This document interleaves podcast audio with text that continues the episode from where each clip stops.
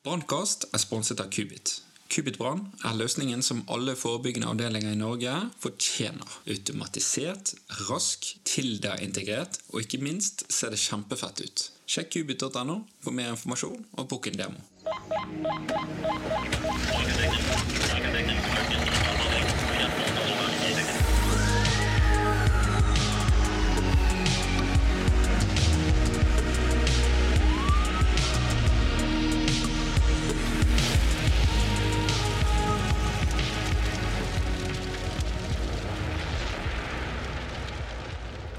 Ja, velkommen tilbake til eh, Brannkast. Dagens tema er dehydrering.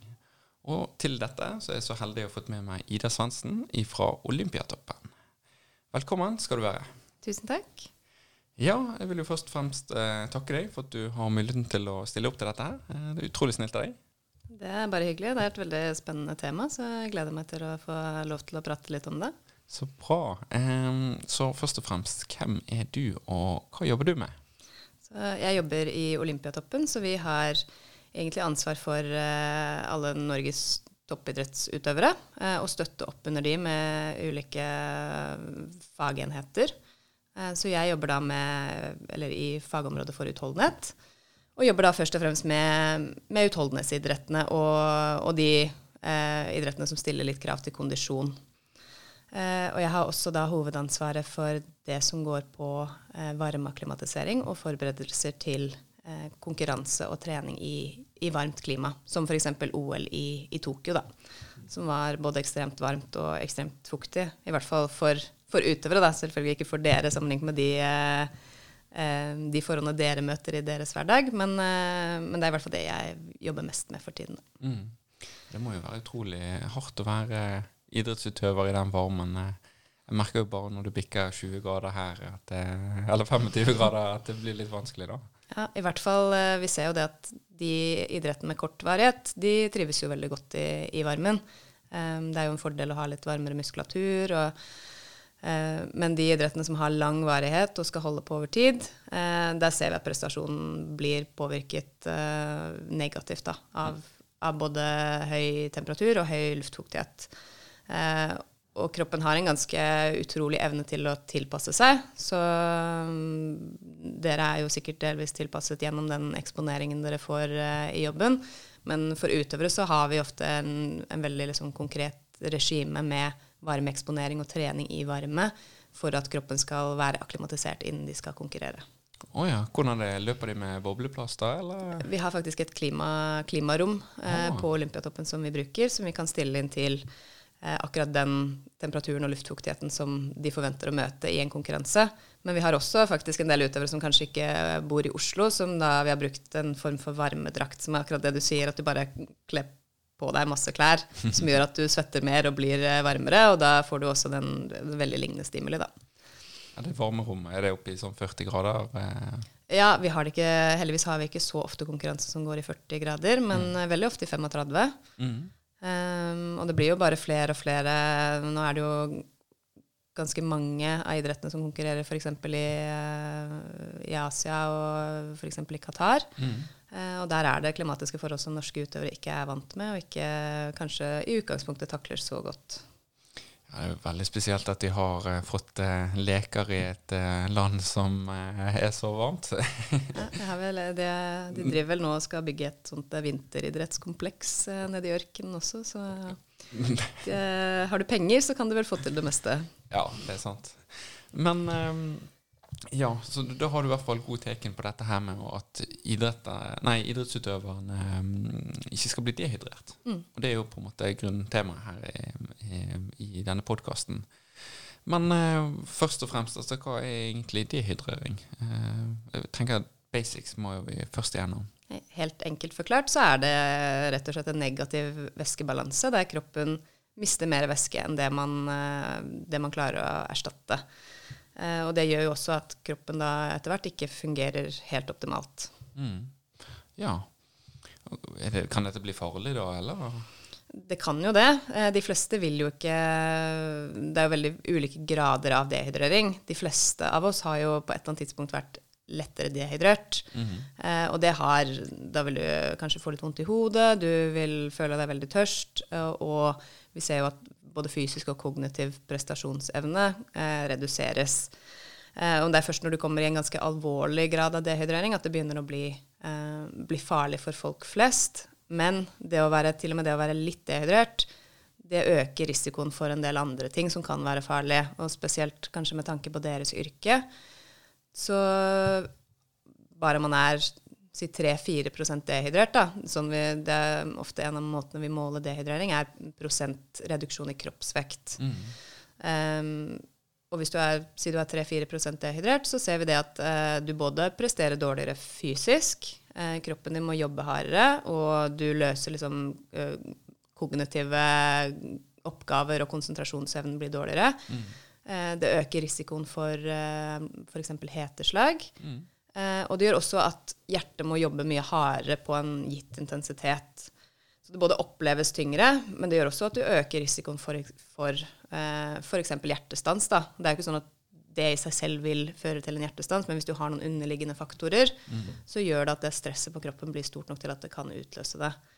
Eh, og det er jo, alle de tingene er jo på en måte relevante for, eh, for brannfolk. Mm. Eh, men som sagt, eh, de, de, aller fleste vil ha en dehydrering som, du som sagt, du får litt vondt i hodet, og du merker at du er litt uh, slapp og kanskje litt uggen. Mm. Men uh, du skal vel ned i rundt 15% dehydrering før man begynner å snakke om noe som kan være dødelig eller veldig, veldig helsefarlig. Mm. Med mindre du også har noen av disse andre risikofaktorene.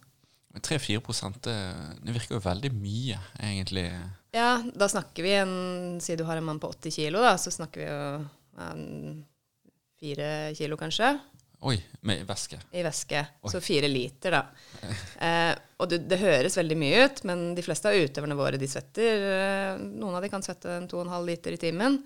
Så det er klart at hvis du holder på en stund, eh, og du i tillegg gjør sånn som ganske mange gjør, og starter litt dehydrert. For det er veldig mange som ikke er i væskebalanse eh, når de begynner den aktiviteten. Mm. Og da har de jo mindre å gå på.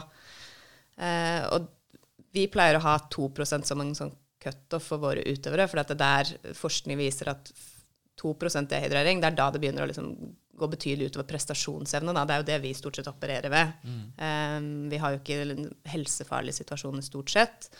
Uh, men vi ser det at allerede ved 2% dehydrering kan du da, vil du da prestere dårligere, spesielt i de utholdenhets- og de kondisjonsidrettene. Mm. Og det som sagt, ser vi også på liksom, mentale ferdigheter. Da. At du begynner å få litt mindre fokus og kan gjøre litt feil som du kanskje ellers ikke ville gjort. Ja, men det tror jeg eh, det, det, Desto viktigere er det å få i seg, da. I hvert fall når du skal gjøre disse gode valgene. da.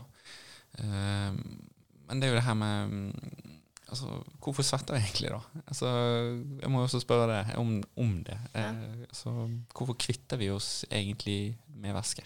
Akkurat svetting er jo kroppens kanskje viktigste mekanisme for å eh, kontrollere kroppstemperatur. Mm. Eh, så enda viktigere enn væskebalansen er å opprettholde en ganske smal liksom, eh, temperaturområde innenfor kroppen. Mm. Eh, så du har sikkert hørt om at 37 grader er normal kroppstemperatur. Og kroppen tåler egentlig veldig dårlig å gå noe særlig over det. Mm. Vi kan faktisk kjøle ned kroppen ganske langt og fortsatt ikke fungere veldig godt, men overleve. Men når du kommer opp i, øker du kroppstemperaturen med f.eks. tre grader, så, og man ikke er eh, akklimatisert og vant med det, så kan det føre til heteslag og, og i verste fall at man, man dør. Eh, så kroppen jobber hele tiden for å holde seg innenfor rundt 37-38 grader. Da. Det er det som er en sånn baseline eh, kroppstemperatur. Og det er en av grunnene til at du svetter. For når du svetter, så fordamper den væsken fra huden din, og det er en veldig fin måte å liksom miste varme på, da. Mm. Eh, og kjøle deg ned. Og så mister vi selvfølgelig også en del væske gjennom pusten eh, og gjennom, du, gjennom, urin. Det er jo en viktig måte å få bli kvitt avfallsstoffer fra kroppen. Mm. Um, så det er jo mange grunner til at man, man, mister væske. Ja, Ikke litt ekkelt? jo, det er kanskje litt ekkelt. Jeg er jo heldigvis blitt, fått en ganske sterk mage etter hvert, for jeg driver jo med alt mulig av svett og kroppsvæske og sånn på jobben. Så er både blod og urin og svette. Så du er herdet? Jeg er herdet. Ja, det er jo fint å si, da. Nei, det blir jo fort veldig mye. og så lukt og alt mulig til slutt. Og Ja, vi har jo har vi hatt fem utøvere som har trent en time i det klimarommet, så er det jo Du kan jo tenke deg, da er det kanskje ti liter med svette som ligger utover gulvet, da. oi. Det er jo mye som ligger i klær nå, da, selvfølgelig. Men Ja. det, det, er jo, det er jo litt uh, renholdsjobb å og få det til å være greit igjen til neste økt. Ja, jeg ser jo den. Du må jo tørke, tørke opp etter etter økten. Det har i hvert fall jeg lett på treningssenteret.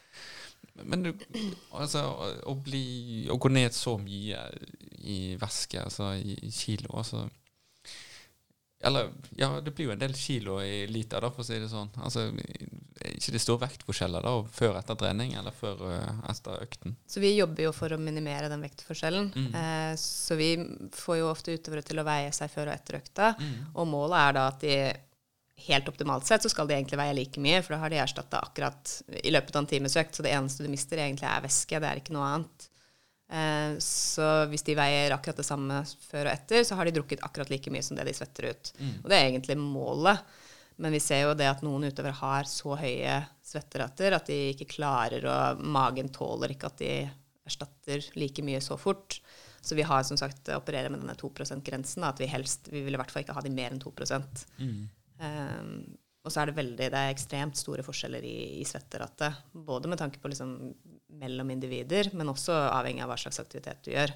Og ikke minst liksom hvor varmt det er, og hva du har på deg. og så 2,5 liter er en liksom worst case-scenario på en utøver som svetter mye og trener ganske hardt.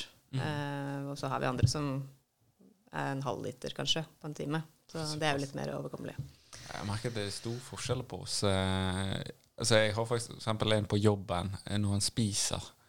Bare når han spiser middag, så svetter han seg bare det. Så, så du bare ser når han har økta, så bare tar det helt av med svette. da. Så, jeg, eh, men det kan være han legger litt mer innsats enn meg i, I spisingen. I spisingen vi ser jo også det at det er jo faktisk Stort sett så er det, i hvert fall hvis du skal, hvis du skal fungere godt i varmt klima, så er det en fordel å, å svette mer. Vi ser jo det at uh, ofte så har vi utøvere som kanskje ikke svetter så mye til vanlig, og de, de er dårligere da på å avgi den varmen, og da gjør det heller at kroppstemperaturen øker utover det som er optimalt.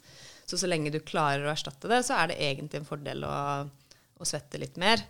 Eh, og vi ser jo det at det er en tilpasning som skjer i kroppen hvis du hvis du f.eks. er på ferie to uker et varmt sted og tar deg noen joggeturer, så vil den joggeturen sannsynligvis føles enklere og lettere på slutten enn det den gjorde i starten. Og en av tilpasningene som skjer i kroppen, er faktisk at du svetter mer, så du blir mer effektiv på å bli kvitt den varmen. Sånn at du klarer å regulere kroppstemperaturen din bedre. Men det stiller jo også større krav til at du klarer å erstatte både den væsken og de saltene du, du mister i svetten. ja, så- salt er det også eh, viktig? Ja, det er veldig viktig. Um, så du, det er jo de to Det, er først og fremst natrium og kalium, som du, men det er jo flere elektrolytter som, som du taper i svetten. Eh, som, og der også er det store individuelle forskjeller mellom konsentrasjonen. da. Eh, så noen har mere, taper mer elektrolytter i samme mengde svette enn andre. Mm. men det er både viktig å erstatte de elektrolyttene for at kroppen skal fungere, men også for å faktisk binde den væsken du drikker. Så hvis du f.eks. styrter to liter med vann, da, så er det veldig fort gjort at det vannet bare går rett gjennom, og så tisser du det ut igjen. Mens hvis du drikker noe som inneholder litt salt og litt elektrolytter, så binder det seg i kroppen bedre. da, At kroppen faktisk tar det opp. Ja, For det, salt binder væske. Ja. Er det noe annet som binder væske, da? Eller, og, Mm. Kan det være noe annet som kan Det andre som hjelper, er å, å drikke et eller annet med f.eks. protein i. da. Ja, okay. eh, bare fordi fordøyelsessystemet går litt, eh, går litt treigere. Mm. Eh, og da blir det i magesekken lenger og får mer mulighet til å bli tatt opp i mage- og tarmsystemet. Mm. Så bare å, å ta det sammen med et eller annet som kroppen må jobbe litt for å bearbeide, det, det hjelper. Så, så vann er selvfølgelig veldig sunt, og hvis du skal ha i deg veldig mange liter om dagen, så er det veldig fint å drikke en del vann, men det er også viktig å få i seg eh, en del elektrolytter og litt andre ting, da. Ja, ok. Og vi har jo Det var jo noen litt sånn uheldige, eller veldig uheldige episoder for en del år tilbake hvor eh, det var noen mosjonister som bl.a. løp maraton eller noen ultraløp, som bare hadde fått beskjed om at de måtte drikke og drikke og drikke, og drikke, eh, og de drakk vann. Eh, og det resulterer i en, den konsentrasjonen av elektrolytter i, i kroppen blir veldig, veldig, veldig lav. Uh, og der var det et par stykker som døde. Um, fordi de bare de hadde en sånn camelback og et sugerør. Og, bare, og det er veldig ekstremt. Det skal veldig, veldig mye til. Men eh, det er jo vel så farlig å drikke altfor mye vann som det er å Eller kan være like farlig som ikke drikke. Da. Ja, Så altså, man skal jo Men det er uh, å bruke hodet litt, da. Og nå er jo anbefalingen stort sett at du skal drikke etter liksom, Du skal kjenne på om du er tørst. Mm. det er stort sett en ganske bra feedback-mekanisme i kroppen at når den trenger væske, så sier den ifra. Men at man må være litt ekstra påpasselig i eh, litt ekstreme tilfeller, da, i veldig varmt klima, eller sånn som eh, hos dere. ja. Jeg merker jo at eh, vi fort, fort kan bare gønne på å drikke altså eksempel etter, etter en brann eller i en innsats, så er det liksom Få en cola, da, eller lignende. Den colaen eh, går fort ned. Eh, Det er nesten litt ekstremt. Eh, Du kan drikke en cola på fem sekunder. Jeg tror ikke det er noe, jeg tror som sagt at det er veldig veldig ekstreme tilfeller hvor noen har drukket kontinuerlig i fire timer mens de har, har løpt, og bare vann. Så det er jo ikke noe farlig å styrte den colaen. Men, eh, og jeg tror stort sett at eh, dere sikkert trenger all den væsken dere kan få i dere. Mm. Men litt, liksom, å være litt bevisst rundt hva man inntar, og når man inntar det, og at man kanskje sprer det litt utover. da. For det er det som, eh, at det kanskje er bedre å drikke litt jevnt eh, Gjennom dagen. gjennom dagen. Eh, heller enn å liksom være kjempe på underskudd og så måtte prøve å ta igjen. Ved å, for da er det fort gjort at kroppen bare plutselig får en og bare skiller det rett ut igjen. da. Så tisser du det ut eh, før du rekker å egentlig ta det opp. Ja. ja, nei, jeg merker jo det selv at eh, Eller jeg prøver i hvert fall å bli litt bedre og være litt sånn kontinuerlig på det. Og gå med vannflaske. Men eh, det er fort gjort å ta disse skippertakene. Og spesielt sånn før trening og ja, Nå må jeg ha drukket nok, sant? men det hjelper jo ikke det. Så han er med at jeg må eh, pisse før eh, Eller i økten, da. Så er det jo det å drikke, spesielt hvis du kan få litt kalddrikke, er jo en veldig fin måte å regulere kroppstemperaturen og holde den innenfor det optimale området.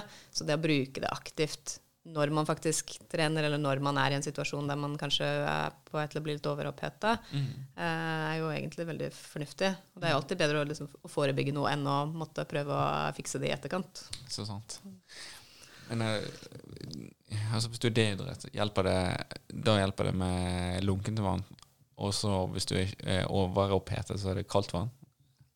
Stort sett så går de to litt hånd i hånd. Ja. Eh, Jeg ville alltid prøvd å Jeg tenker i hvert fall i deres yrke. Nå, nå vet jeg ikke hvor varme dere blir, men jeg ville tenkt at det, de, de dataene jeg har sett på brannfolk da, Og nå er jo det er ganske lite av den forskningen som er gjort i Norge, jeg vet ikke hvor store forskjeller det er på, på tvers av land, men dere har jo en økning i kroppstemperatur som er litt utover det som man ville tenkt er optimalt for å prestere, da. Hvis man, men da, da tenker jeg liksom å gjøre den jobben deres med liksom optimalt fokus og optimal liksom, At man klarer å yte mest mulig.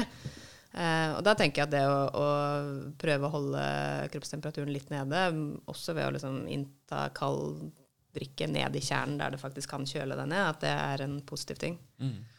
Så helst ikke lunkent, med mindre det er det ene. Men lunket vann er bedre enn ikke noe vann. Ja, ja, Men kaldt vann er bedre enn lunket vann. Ja. Um, ja, det er jo bra. Da vet jeg litt om det. Ehm, men du har gjort litt eh, Du har sett litt på studiene her eh, rundt eh, brannyrket og dehydrering. Så er det noe mm, tegn der, altså noe fellestrekk der på hvordan vi skal ta i oss nå? I hvert fall det jeg kunne se av, uh, av data. Det er jo publisert ganske mye på, på brannfolk. Uh, men mesteparten av det er fra type USA, f.eks. Eh, og mye av det er fra sånne wildfires, hvor det, det er ute i skogen og Jeg vet ikke hvor sammenlignbart det er med en liksom, bygning i en brann. Nei, brann i en bygning. men, men i hvert fall alle dataene peker til at det er, det er snakk om mild dehydrering eh, som regel. Det er ikke disse, liksom, du snakker ikke 10% av kroppsvekt der det begynner å bli dehydrering i seg selv begynner å bli eh, helseskadelig. Eh, men det de, det de ser, er at det er nok til at det går utover sagt, prestasjonen på jobb. Da. Eh, og det de også ser, er at veldig mange eh, møter opp på jobb og er allerede litt dehydrerte når de starter. Og det er jo også veldig likt det vi ser med, med en del utøvere. Eh, at når de f.eks. er på en samling eller er over tid i et, eh, et varmt strøk, så er de veldig, de er veldig flinke på å ha fokus akkurat rundt økta. Og de klarer kanskje å drikke, men de er veldig dårlige på liksom, å fylle på resten av dagen. Så vi pleier å anbefale at, eh, at utøvere at de øker væskeinntaket også resten av dagen, og at de kanskje salter maten litt ekstra til middag for at de skal få i seg de elektrolyttene som de også mister. Um, men vi ser at det er generelt der utøvere er dårligst, at de møter opp De blir gradvis litt og litt mer dehydrert hver morgen. da. Mm. Selv, om, som sagt, selv om de har flinke på å ha fokus akkurat rundt økta, så, så fyller de på for lite ellers. Og det så ut som det var liksom felles, eh, felles for brannfolk, at det, det, er veldig mange som er i litt negativ væskebalanse allerede de, da de starter. Mm. Og da har man enda mindre margin for å Da må man være enda flinkere på å fylle på underveis, og det er ikke alle som klarer. Altså de har litt dårlige forutsetninger, da, rett og slett? Ja.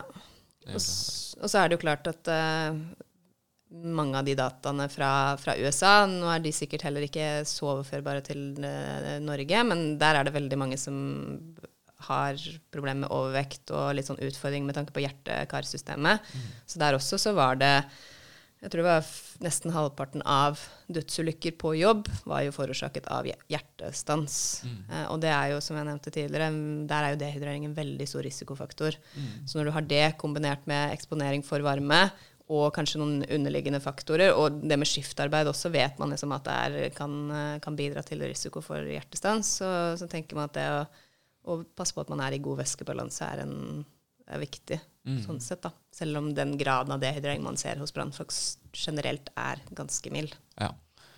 Kan man se det på folk, eller at folk begynner å bli litt dehydrerte?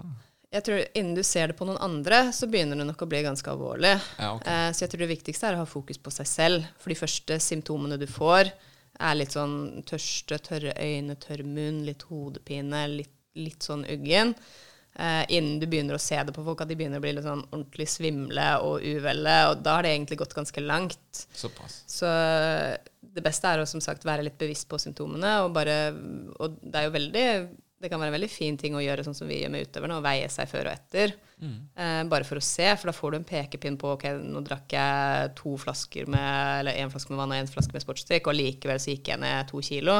Da bør jeg kanskje drikke tre flasker eller fire flasker neste gang. Sånn at man får litt forhold til sin egen kropp og hva den trenger. For det er veldig store individuelle forskjeller. Jeg har jo merket at når folk går ned i vekt, da, så, så, eh, så, så, går de fort ned de første to kiloene. Én til to kiloene. Eh, ikke det bare væske? Eh, som oftest? Tenker du noe langvarig vektreduksjon? Ja. Ja, ofte så Nå vil det jo variere veldig, men som sagt, du, nå tenker jeg på å liksom veie deg før, rett før og etter ja. en, når dere har vært enten på en treningsøkt, bare for å se litt uh, hvordan mm. din kropp responderer, eller liksom hvis dere har en vekt stående på jobben. Mm. Sånn at dere kan se når dere har vært ute, om du faktisk har klart å erstatte det du vil. Men det er klart, uh, det er jo også mange som Hvis du begynner å gå ned i vekt, at det er jo et helt annet tema, men det er jo mye uh, vann bundet i glykogen i musklene, f.eks. Så det er jo mye av det du mister i starten, er jo, er jo litt væske. Mm. Men som sagt, hvis du, hvis du måler rett før og i løpet av en dag Vektendringer i løpet av én dag er stort sett forbundet med væske og eventuelt liksom det som ligger i magen din. da. Ja. Så hvis du spiser 500 eh, gram et eller annet, så vil du veie 500 gram mer. Men, eh, men, som sagt, fra før til etter en treningsøkt eller en time, så er det kun væske det er snakk om av de endringene her. Ja, okay. Og da får du en veldig, Så det kan egentlig nesten direkte overføres til svetterate, da, som er det vi egentlig er interessert i. Eh, hvor mye du mister i løpet av en gitt tidsrom og mm. på en gitt aktivitet. Ja. Var, var litt inne på det i sted, men er vann det beste? Jeg ser jo at det er så mange som sverger til sjokomelk og til sånne her eh, elektrolyttblandinger eh, som de får på helsekostbutikkene. Ja. Er det Som jeg sa i stad, så er det jo viktig å ha noe som ikke bare er vann, som inneholder litt mer elektrolytter. For er, eh, elektrolytter er veldig viktig å erstatte, og du mister mye i svetten. Mm. Og det er jo det som ofte, det er jo ofte forbundet med sånn muskelkramper. Eh, er jo ofte fordi du kanskje har litt for lite, eller for lite elektrolytter.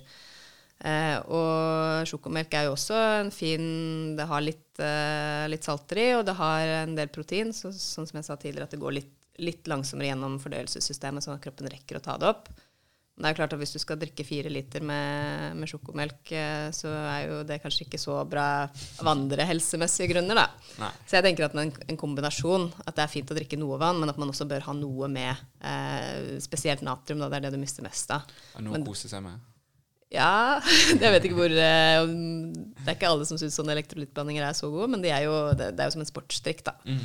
Men der er det også veldig store variasjoner i liksom, innholdet i ulike sportsdrikker, hvor mye natrium blant annet de har i de. Mm. Så det er jo klart at de sånne rehydreringsvæsker som du får på apoteket, de har jo en veldig sånn de bør jo ha en god balanse mellom de ulike saltene og, og være liksom satt sammen på en måte som, som, gjør at det tas best mulig opp i kroppen. Så men du trenger ikke drikke bare det, mest sannsynlig. Det kan jo være fint å liksom ha noe av det og noe vann og en sjokomelk på slutten, kanskje. Så får du litt variasjon. Ja. Men hvis det er noen som er helt sånn skikkelig dehydrert, altså, hvordan skal man behandle dette her i forhold til førstehjelp og Som sagt, jeg tror, jeg tror som regel det vil utarte seg som i forbindelse med et heteslag. Da. Ja. Du vil, hvis noen, hvis noen får kun er dehydrert til det nivået dere mest sannsynlig kommer til å se, så er det snakk om å bare gi dem noe å drikke og få dem til å sette seg ned og roe dem ned og få dem ut av der de er, sånn at de får sitte. Men mest sannsynlig eh, så vil det kombinere seg da med eh, Hvis du begynner å få noen som er alvorlig blir alvorlig dårlig, så er det fordi de også er overopphetet. Ja. Og da er det jo snakk om å også få ned kroppstemperaturen deres. Eh, så det kan man eh, enten gjøre med liksom, nedkjøling i vann, en kjølig dusj, eller bare få de ut av der det er, få de ut i frisk luft og der det, der det ikke er varmt, og gi de kald, kald drikke. Ja. Så er jo alltid å liksom gi de væske, men, eh, men mest sannsynlig så vil de også ha behov for å få ned kroppstemperaturen. Ja. Eh, For det er mest sannsynlig det som vil liksom gjøre at de blir alvorlig syke. Da. ja. Eh, Jeg tror ikke Som sagt, skal du, skal du kun bli dårlig av dehydrering liksom helt i isolasjon, så må du nå ned såpass mye at det, det skjer ikke, med mindre du også har uh, hatt omgangssyke i to uker og spydd og eh, vært ute. Det skjer ikke i løpet av en vakt, da. Mm. Så det, det er nesten litt Det blir litt vanskeligere, rett og slett. Ja, eller i hvert fall det er ikke noe som kommer til å oppstå uten at det også kombineres med noe annet. Så mest sannsynlig vil dehydrering være noe som bidrar til at de blir, uh, blir dårlige, men det vil ikke være den eneste faktoren. Så da er det også viktig å, å behandle det i kombinasjon med mm, som sagt, mest sannsynlig at de også har eh, et form for heteslag. Da. Ja. Eller at de er overopphetet. Altså Hvis de har et heteslag, da, så får de klær, eller av bygg, får de av de klær, skyller de ned, gir de vann. Ja, Det viktigste er som sagt å få ned kroppstemperaturen. Så Det avhenger jo litt av hvor de er og situasjonen, men i hvert fall få de ut av eh, der hvor det er varmt, og få av de klærne og gi de noe kaldt å drikke. Og den raskeste måten vi ser å få ned kroppstemperaturen, er liksom er kaldt eller kjølig vann. da. Ikke iskaldt, men at de, noe som er litt lavere enn kroppstemperatur. Ja, ok. Ja, eh, da nærmer vi oss eh, slutten. Har du en eh, take home message eh, som du kan eh, gi til eh, lytteren? Ja, det, det første er jo at man sikrer at man faktisk prøver å opprettholde god væskebalanse i hverdagen, og møter opp på jobb eh, i væskebalanse. Og der er det jo noen enkle ting man kan, man kan følge med på selv. Det er jo eh, Urinfarge er jo en veldig liksom, enkel mål på, eh, på om man er dehydrert. Men da er det viktig å bare, å hvis du ser på den på morgenen på samme tidspunkt eh, hver dag, så vil du etter hvert få liksom en, en ganske god pekepinn på hvis den begynner å bli veldig mørk, så tyder det på at du ikke har fått i deg nok væske. Eh, og det andre er bare å, å, å være bevisst på at man drikker godt gjennom, gjennom dagen for øvrig. Eh, og det andre er at, eh, at man kanskje kan bruke eh, eller veie seg før og etter f.eks. en varmeøvelse på jobb for å få en indikasjon på hvordan din kropp responderer på, på den påkjenningen, og hvor mye væske man faktisk taper. Sånn at man kan, kan treffe enda bedre med den rehydreringen. Og sånn som vi var inne på, at man, at man passer på at når man rehydrerer, at det ikke bare er vann, men at man også får i seg litt elektrolytter og salter. Mm, ja, veldig bra. Eh, da tenker vi runder av. Ja. Tusen takk. Dette var utrolig lærerikt. Så håper jeg at eh, at det er flere brannfolk som får i seg mer væske tidlig på morgenen. Tusen takk for meg. Ja, eh, veldig bra. Takk for at du stilte. Vi snakkes.